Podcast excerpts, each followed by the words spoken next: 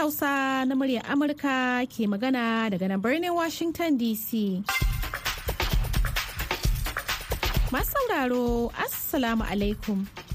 Hadiza kyari ce, tare da Baba Makeri da sauran abokan aiki muka sake dawo a shirinmu na hantsi a yau ranar Alhamis 23 ga watan Fabrairu na shekarar 2023. Yayin da zaɓuɓɓukan gama gari a tarayyar Najeriya ke ƙara ƙaratowa, wasu 'yan bindiga kuma na ci gaba da aika-aikarsu inda suka kashe mutane huɗu a jema da ke cikin jihar Sokoto akan iyaka da jamhuriyar Nijar. Sannan a jihar Jigawa, ofishin hukumar zaɓe ta Najeriya da ke dutse, fadar gwamnatin jihar ya ce ya fara rarraba kayayyakin zaɓe zuwa ƙananan hukumomi na sassan jihar a wani mataki na tunkarar zaɓen ranar Asabar mai zuwa. sai kuma shirin na kasa ba kasawa ba wanda Sulaiman Muni Barma ya shirya kuma zai gabatar. Daga nan za mu kawo muku muhimman kanan labaran jaridu daga ƙasar Ghana. Amma yanzu sai a gyara zama domin sauraron cikakkun labaran duniya. Assalamu alaikum jama'a ga cikakkun labaran duniya mai karantawa baba ya kuma kiri. a jiya laraba ministan harkokin wajen ukraine ya kira ga ƙasashen duniya da su kasance tare da kasarsa a yaƙin kusan shekara guda da rasha ke yi da ita bayan shekara guda da fuskantar kalubaloli. Ukraine na nan daram tana kare kanta daga abokiyar gaba mai ƙarfi. Kuma ina kira gare ku a daidai wannan lokaci mawuyaci da a kawo mana ɗauki a haɗa kai a goya mana baya. Dimitro kuleba yana faɗa wa babban taron gaggawa na majalisar ɗinkin duniya domin tuna zagayowar shekara ɗaya da mamayar rasha. Wannan ne lokacin da ya kamata ku tabbatar da kuna tare da yarjejeniyar majalisar ɗinkin duniya. Babban taron zai yi nazari a kan yiwuwar amincewa da daftarin da ukraine ta gabatar na gaggawa domin duban hanyar da ta dace ta samar da zaman lafiya mai ɗorewa bisa sharuɗan yarjejeniyar majalisar ɗinkin duniya. A hali da ake ciki kuma a jiya laraba majalisun dokokin rasha guda biyu sun amince da matakin shugaba vladimir putin na janye moscow daga yarjejeniyar makaman nukuliya ta shekarar 2010 tsakanin rasha da amurka domin kalubalantar kawancin ƙasashen yamma wanda amurka ke jagoranta wurin baiwa ukraine makamai domin kare kanta daga mamayar rasha tsawon shekara guda. Putin ya sanar da dakatar da janye Rasha daga yarjejeniyar nukiliya ta ƙarshe da ta rage tsakanin Amurka da Rasha yayin jawabinsa akan halin da ƙasar ke ciki a ranar Talata. Yarjejeniyar da ke karewa a shekarar 2026 ta takaita wa ƙasashen biyu damar mallakar makaman nukiliya 1,550. da yake jawabi a Warsaw babban birnin Poland inda yake ganawa da shugabannin ƙasashen NATO a yammacin turai da ke kusa da Rasha. Shugaban amurka joe biden ya kira janye rasha daga yarjejeniyar nukiliyan da babban kuskure. Labaran na zuwa muku ne daga nan sashen hausa da murya amurka a birnin washington dc ministan tsaron pakistan ya je ƙasar afghanistan a jiya laraba inda ya gana da jami'an ƙasar domin warware batun rufe kan iyaka a wannan mako da gwamnatin taliban ta yi a wata muhimmiyar iyaka wurin zirga-zirga tsakanin makwabtan biyu a cewar jami'ai. Tafiyar ministan tsaron kawaja muhammad asif zuwa kabul da ganawansa da mullah abdulgani baradar. Karamin firaminista da taliban ta nada mai kula da harkokin tattalin arziki na zuwa ne yayin da ake kara samun tankiya tsakanin afghanistan da pakistan a cikin 'yan watannin nan. A ranar lahadi ne jami'an tsaron taliban suka rufe kan iyakar tokam tsakanin pakistan da afghanistan kana a ranar litinin suka yi musayar wuta da askarawan tsaron iyakar pakistan. Musayar wutar ta raunata wani sojan pakistan tun lokacin ne kuma iyakar ta kasance a rufe lamarin da ya kawo cikas ga ɓangarorin biyu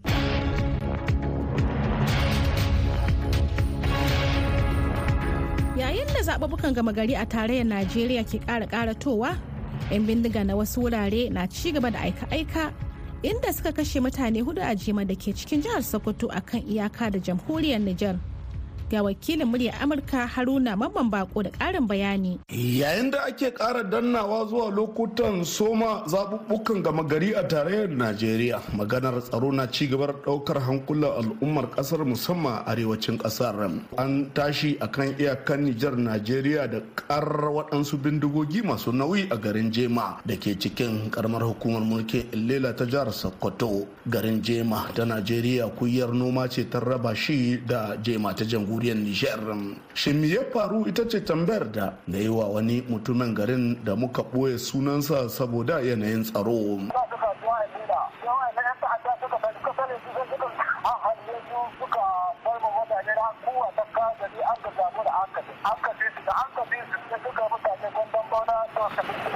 Yanzu mutum huɗu suka kashe bayan sun ji waɗancan biyu. To wataƙila yalla ko kun sanar da hukuma don ta gaugo ta kai musu hormaki a kamo su? Bayan mutanen garin sun kwarari 'yan bindigar da suka jiwa mutane biyu da ke kan hanyar su ta zuwa kasuwar illela kuma sun bar su a cikin halin rai kwakwai mutu kwakwai. Sai mazamna garin na jema suka kwarari 'yan bindigar inda 'yan bindigar suka kashe mutum huɗu kamar yadda wani mutumin kalmalau ya bayyana bene yau da allah kadari mun ka tashi cikin wani hali mun ji karar bindigogi ya magare mu. Halin da mun ka ji bindigogin nan fa ana ta cewa cece ku ci ga abin da ka faruwa na ana ɗauki ɗaiɗaiɗai rasa rayuwa ta kamar zuwa mutum huɗu haka misali. Yanzu in ba ku manta ba ma kwanakin bayan kun diba ku gani haka aka yi aika sa a garin kalmal guda tara aka rasa rayuwarsu. An ta da dabbobin kuma in ka diba sun kai kusan guda ɗari ma misali bancin ƙananan dabbobi. Sannan kuma abin da nake kira ga sauran juma'a ga samarin juma'a waɗanda suke ba su san kansu ba su bar tunka da waɗannan. Tun kaga mai makami dai kai baka da makami na ɗaya. To wanda bai da makami kana tunka da mai makami kaga bai bashi a lokacin da na tuntuɓi ɗaya daga cikin rundunonin tsaron wannan yankin sun tabbatar suwa mini da abkuwar lamarin amma suka ce min ba sa da hurumin yin magana da ni a rediyo a halin yanzu. Kamin su kammala bincike da ma neman waɗanda suka aikata wannan ɗanyen aikin. Shin a cikin wannan halin yaya za a gudanar da zaɓuɓɓuka a wannan yankunan ita ce tambayar da na yi wa wannan mutumin na garin kalmalau. tun da an ce yanayin zaɓe lalle shi ba a hana zaɓe tun da zaɓe tun da ya tun karo sun ce za su kawo jami'an tsaro da yawa sosai a zuba ga ƙasa don maza ba za a yi zaɓe amma yammacin nan wasu wurare babu mutane a garuruwansu duk sun gudu sun bar garuruwansu. a wata hira ta bayan microphone da na yi da waɗansu ma'aikatan inec da aka baiwa horo a wannan iyakar sun tabbatar suwa mini da cewa idan har aka kai su a yankuna masu matsalar tsaro to ba za su je ba. Haruna mamman bako na birnin kwanne sashen hausa na muryar amurka daga birnin kwanne a jamhuriyar nijar.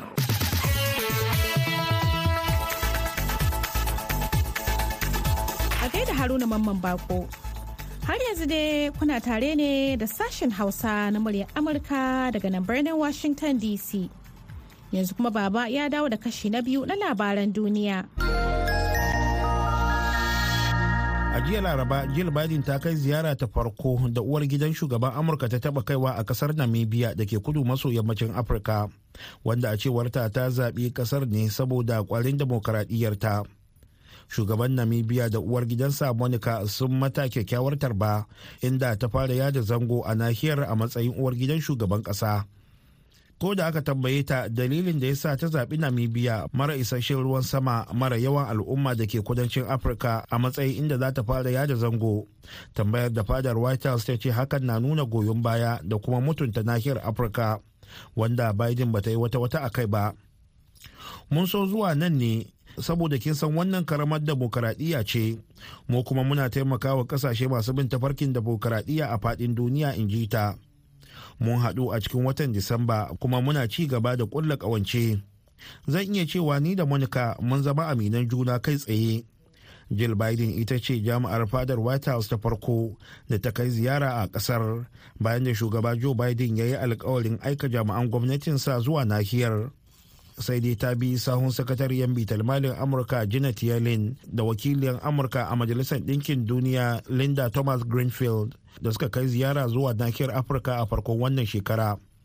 A ƙarshe gwamnatin ƙasar canada ta ƙara jaddada ƙudurinta na yin aiki kafada da kafada da najeriya don ƙara tunkarar matsalar safarar mutane da kuma yin ƙaura ba bisa ƙa'ida ba. Jakadan ƙasar canada a najeriya mr jamie christophe wanda ke bayyana hakan yayin da yake magana a wani taron haɗin gwiwa tsakanin najeriya da kanada don ƙarfafa matakan haɗin kai na tunkarar kalubalen safarar mutane. Yana jaddada cewa ƙasarsa za ta ci gaba da yin aiki kafada da kafada da gwamnatin najeriya da sauran hukumomi da ke yaki da fataucin mutane da ma cibiyoyin ƙasa da ƙasa don karya lagon ƙungiyoyi masu fataucin mutane a matakin ƙasa da ƙasa. Ire-iren mutane da ke safaran dan adam na amfani da raunin mutane ne in ji jakadan na kanada wanda ya kara da cewa wannan babbar matsala ce amma duniya baki ɗaya amma girmanta a najeriya ya shafi mutane da dama. Labaran duniya kenan aka saurara daga nan sashen hausa na muryar amurka a birnin washington dc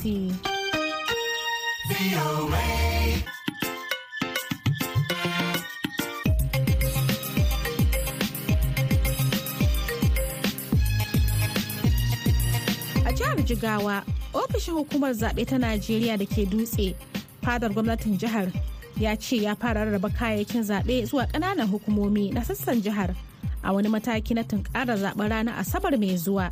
Ga Mahmud Kwari ɗauke da ƙarin bayani. Hukumar ta INEC a jihar Jigawa ta ce yanzu haka kusan dukkanin kayayyakin zaɓe sun kai ga sharkwatocin ƙananan hukumomin jihar guda 27 in banda takardun rubuta sakamakon zaɓe da na'urar Vibas ta tantance masu kaɗa ƙuri'a. kakakin ofishin hukumar a dutse Mr. Jan Kaiwa ya ce kwamishinan zaɓe tare da ƙusoshin hukumar na ci gaba da ganawa da ƙungiyoyin sanya ido na ciki da wajen Najeriya. Shirye-shirye ya riga ya kai nisa ko sosai duk kayayyakin da ake buƙata mun riga mun kai su a ƙananan hukumomi. Don abin da ake ƙoƙari shine sensitive material tsakanin yau da gobe za a kai su ƙananan hukumomi. Kamar ballot papers da kuma beavers yanzu ana kan sorting material particularly uh, ballot paper ana kan sorting nasu a tabbatar ba ba samu wani matsala ba ko za a tura Hakan dai na zuwa ne a daidai lokacin da tsohon gwamnan Kano Malam Ibrahim Shekarau ke kalubalantar takuransa Rabi Musa Kwankwaso wanda ke takarar shugabancin Najeriya ƙarƙashin inuwar jam'iyyar NNPP. Mu da muke Kano mun san cewa mutan Kano sun san me muka yi musu a baya a dukkanin fannoni shi ma da ya gwamna kuma na yi gwamna. kuma mu ne muka ɗauko wazirin nan muke tallansa mutanen kano sun game muka musu kuma waɗanda muke tare da waziri mun san a kano mu ne za mu jagorancin me za a zo a yi wa kano. Kuma ya nuna mana misali yana sauraron mu zai taka rawar da shi kwankwaso bai taka rawar da aka taka ba a kano. Ai kowa ya sani. Saboda aka baya tsorata mu.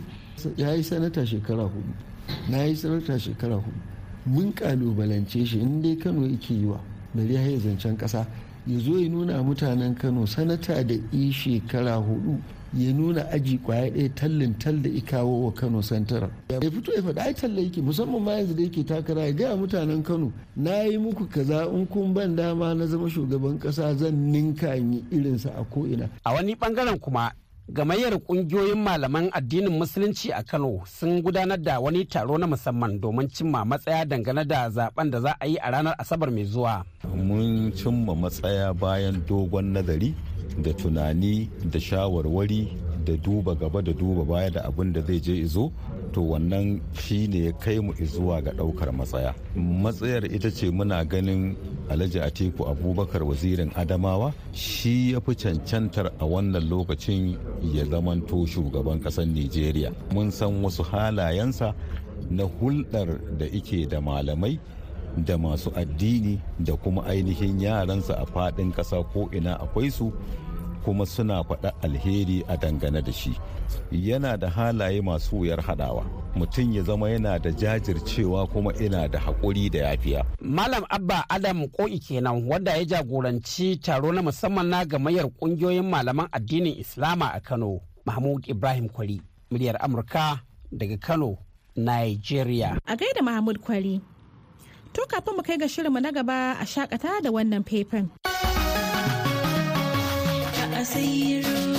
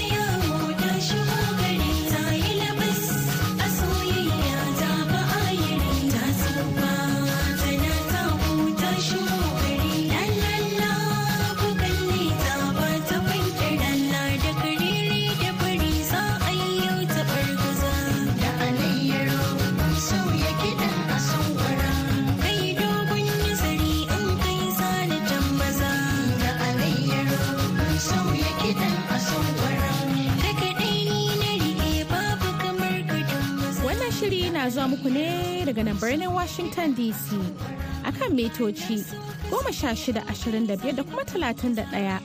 A jamhuriyar Nijar kuma za a iya sauraron mu a tashar mu ta VOA Africa akan mita ɗari da biyu da ɗigo biyar. Baya ga haka a yaushe ake so za a iya zuwa shafukanmu na intanet a voahausa.com amurka.com ko kuma sashin hausa.com. Kafin mu kai ga shirinmu na gaba ga wannan saƙon.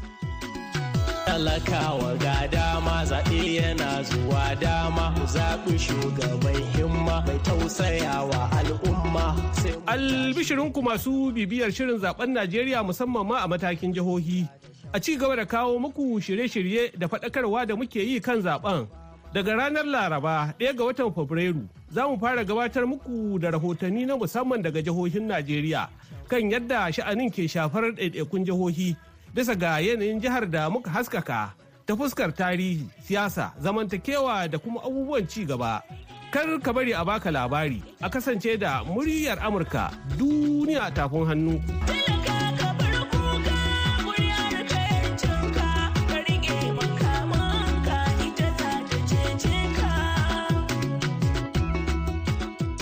Yanzu kuma sai shirinmu na gaba. Nakasa. Nakasa. Nakasa. Ba kasawa ba.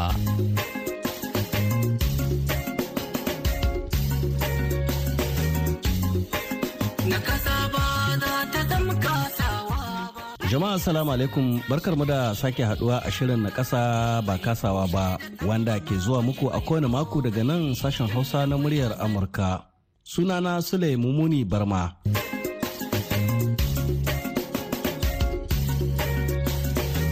A shirin da ya gabata an ji yadda ƙungiyoyin masu buƙata ta musamman a tarayyar Najeriya suka dage da ayyukan faɗakar da magoya baya domin shiga al'amuran babban zaɓen da ake shirin gudanarwa a ƙasar a ranar 25 ga watan Fabrairu nan ta yadda za su mori roman dimokuraɗiyya. To a yau za mu nufi jihar Zandayar a jamhuriyar Nijar don jin halin da ake ciki game da batun ilimin kurame. Shekaru sama da arba'in bayan kafa makarantun kurame na farko a ƙasar bayanai na nunin ana fama da ƙarancin kayan karatu duk da tallafin da ake samu jefi-jefi daga kungiyoyi masu zaman kansu. Kamar yadda daraktan makarantar kuraman zandar ya shaidawa wakiliyar sashen hausa tamar abari. Malon hali amma da musan kurame ake kira na. To makaranta dai muharin dai gina ta dai shugaban duka kurame na Nijar wanda ya rasu eh Hassan Banaba lokacin nan shine ya je ga kunci tsohon shugaban kasa na soja. To shine ya ce yana son a buɗa mashi makaranta shi ma saboda mutanen shi su samu su riƙa samun ilimi suna shiga jama'a. To kun ji muharin da aka gina guda uku. Aka yi ɗaya a yamai aka yi ɗaya a maradi aka yi ɗaya a nan. Ne da haka ne ake ta. Alif ɗari tara da tamanin da ɗaya aka yi ta. Aka gina ta nan wurin kin. To lokacin nan ba su da wurin zuwa. A unwala ne aka kai su. A unwala tsakanin su da masu shi ana ta faɗace faɗace kuma sai aka ɗauke su aka mai da su an sayan kwambatan. Da aka yi su an sayan kwambatan an sayan kwambatan sai suka nemi wurin su suka ce kawai a ba su wurin su sai aka ɗauke su aka kai su aminci. Amincin ma ita ma cikin wata lakwal ne mai zaman kanta ce ba ta gwamnati ba ce ba. Ana nan ana nan sai projef wani proje ne mai kulawa da makarantu a ƙasar nijar. Shine lokacin nan shekarar shi za a riye ya ƙare aikin shi. Sai suka aiko nan wurin suka ce to yan suna da dan sauran kuɗi a diba wasu makarantu wanda ya kamata a taimaka ma. Sai aka ce musu akwai makarantar kurame da bata da hili nata na kanta. Shikenan sai aka ce to a je a samu musu wuri. Da da aka zo aka yi aka samu wannan aka samu wannan hilin aka yi wancan azuzuwan guda biyu na harin masu kallon gusumkin nan su ne aka fara ginawa. To muna iya sanin kamar da ɗalibai nawa aka fara. mu dai lokacin da muka zo makaranta tun da ba mu ba ne na wari lokacin da muka zo ɗalibi sha ɗaya ne. Namiji goma mace guda ɗaya tak muka soma da su wanda dai muka tardo. To amma makarantar dai lokacin nan gaskiya ta ɗan samu ɗalibai da yawa. To lokacin nan ba a kula da ita ba ƙwarai ƙwarai yadda har za a samu su shiga makarantu na sakandare da wani wane ne duka dai ba a samu ba suka yi wannan kin. Kamar akwai wani waye kai ne da kuke yi yanda iyaye za su kawo ɗiyansu kurame ko kuma ya ne kuke samun ɗaliban eh to gaskiya akwai lokacin da na riƙa zuwa cikin wasu ungoyi haka. Muna hira ma da haka wasu dattijawa na cikin ungoyi mashi yawa dai abin da ya samu ma aka san makarantar kawai daga hanyar abin kafofin watsa labaru ta nan wurin ne wanda lalle lalle sun taimaka mu wajen wannan. Tunda duk shiga makarantun da za a yi shekara ta dawo kafofin watsa labarin nan da kuka gani kowanne sai ya kire ni mun je mun hira shi bisa wannan. Da haka ne muka samu makarantar nan da abin ga haka. To kamar su waɗannan kurame akwai wani kamar fannin ba da ilimi ko ba da karatun na musamman wanda ya bambanta da sauran ɗalibai nasu? To bambancin ya kashi kashi biyu. Dole kana ba da ilimin nan ne da hannu ne za ka ba da shi. Kuma bambanci na biyu dole sai kana yi kana yi da hannu kuma kana magana. Duk maganar da za ka kurtawa he ka gode ta da hannu. To abin da yasa ake dan son ka dan riƙe magana saboda mi? Saboda cikin almajiran ana iya a samu wanda ke dan shi wanda ke da sauran shi. To shi sai ya gane da hannun kuma sai ya gane da jikin nashi. Su kuma wa'annan wanda wanda dindindim ne tunda akwai dindindim wanda ko mi kai ma ba sa ji dole ne he dai ka jawo hankalin su kafin ka fara aikin ka tukun he ka jawo hankalin su dukkan su dukkan hankalin su ya komo a wajen ka. Shin nan lokacin nan ne kake fara kake fara ba da ilimi? Ina maganar kayan aiki kamar gwamnati ce ke ɗaukar nauyin ku a kayan aiki ko kuma ina ne kuke samun kayan aiki da tafiyar da wannan karatu na kurame? To zaman da ake lalle gwamnati tana ba da hannunta. Amma kuma sai zamana na wanda gwamnatin ke badawa bai isa ba. Dole he ana ta bugawa ga masu hannu da shuni. Kan proje ne kan ong ne kowa yana kawo bakin ƙoƙarin shi. To masu sauraro nan za mu dakatar da wannan shiri a yau. Sai a makon gobe za mu zo da wani sabon shirin idan Allah ya so. Yanzu a madadin shugaban makarantar kuraman jihar da magaram Malam Lawan da wakiliyar muryar Amurka Tamar Abari ni Sulaimu Muni Barma da dukkan abokan aiki na sashen Hausa ke ce da ku muni lafiya.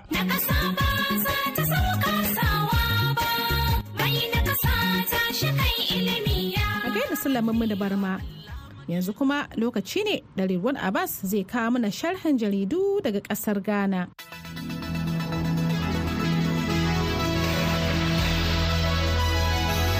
Jaridar Ghanaian Times za mu so sharhin jaridun na yau kuma babban labarin ta shine wata tawagar ƙasar Japan ta iso nan ƙasar Ghana domin ta taimaka tsarkake koguna da aikin galamse ya gurbata. Jaridar ta ce wata tawagar kwararru masana muhalli daga ƙasar Japan sun iso nan ƙasar a ranar Litinin domin soma aiki da takwarorinsu 'yan Ghana yadda za su tsabtace koguna da sun ka ta ayyukan galamse wato haƙan ma'adi ma'adinai ta barauniyar hanya da aka nuna cewar waɗannan ruwaye na ɗauke da ruba da sun ka hada da mercury wadda ke da hatsari ga kiwon lafiyan bil'adama kudurin tawagar shine tsarkake koguna ɗin da tsab da mashe su wato tsarkaku ta amfani da micro nano bubble da unique bacteria da dai sauran fasahokin tsabtace abu.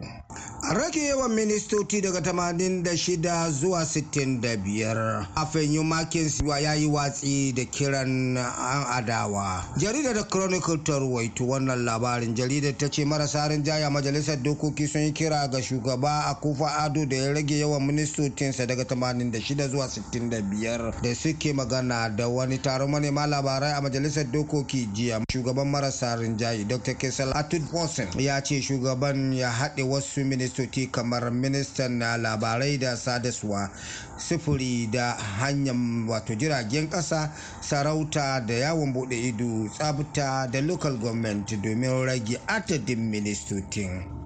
Ƙasar ghana ta toma tuntubar ƙasar china dangane da yiwuwan yafe mata basin da take binta. Kasar china da ita ke riƙe da mafi yawan basussuka da ƙasar ghana ke da shi. Jaridar daily graphic ce ta ruwaito wannan labarin. Jaridar ta ce ƙasar ghana ta yi tattaki zuwa matsayi na gaba wurin magance matsalar da bashi na gwamnati na kasa da kasa yayin da ta tattaunawa da china game da bashin na ghana. Bayan nasarar da aka samu akan shafi bashin ghana na cikin gida ministan kuɗi kenofurata ya faɗa cewar shawarwari da china na da muhimmanci saboda china ita ce ke bin ghana mafi yawan bashin da ake binta kenofurata ya faɗa cewar zai shagoranci wata tawaga zuwa china domin gabatar da kokon bara don a yafe mata bashinta. Asamuwa Jan da Sule Mutari da dai sauran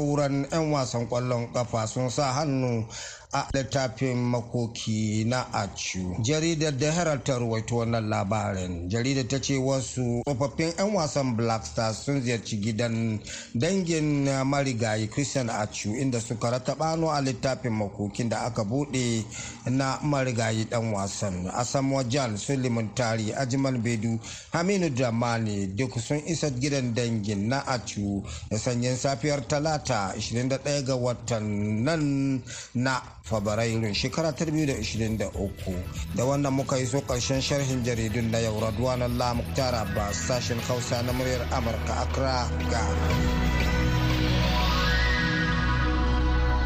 A gaida Ridwan Allah da wannan kuma muka zo ga shirinmu na ƙarshe wato labarai amma fa a taƙaice. A jiya laraba ministan harkokin wajen ukraine ya kira ga ƙasashen duniya da su kasance tare da kasarsa a yaƙin kusan shekara guda da rasha ke yi da ita.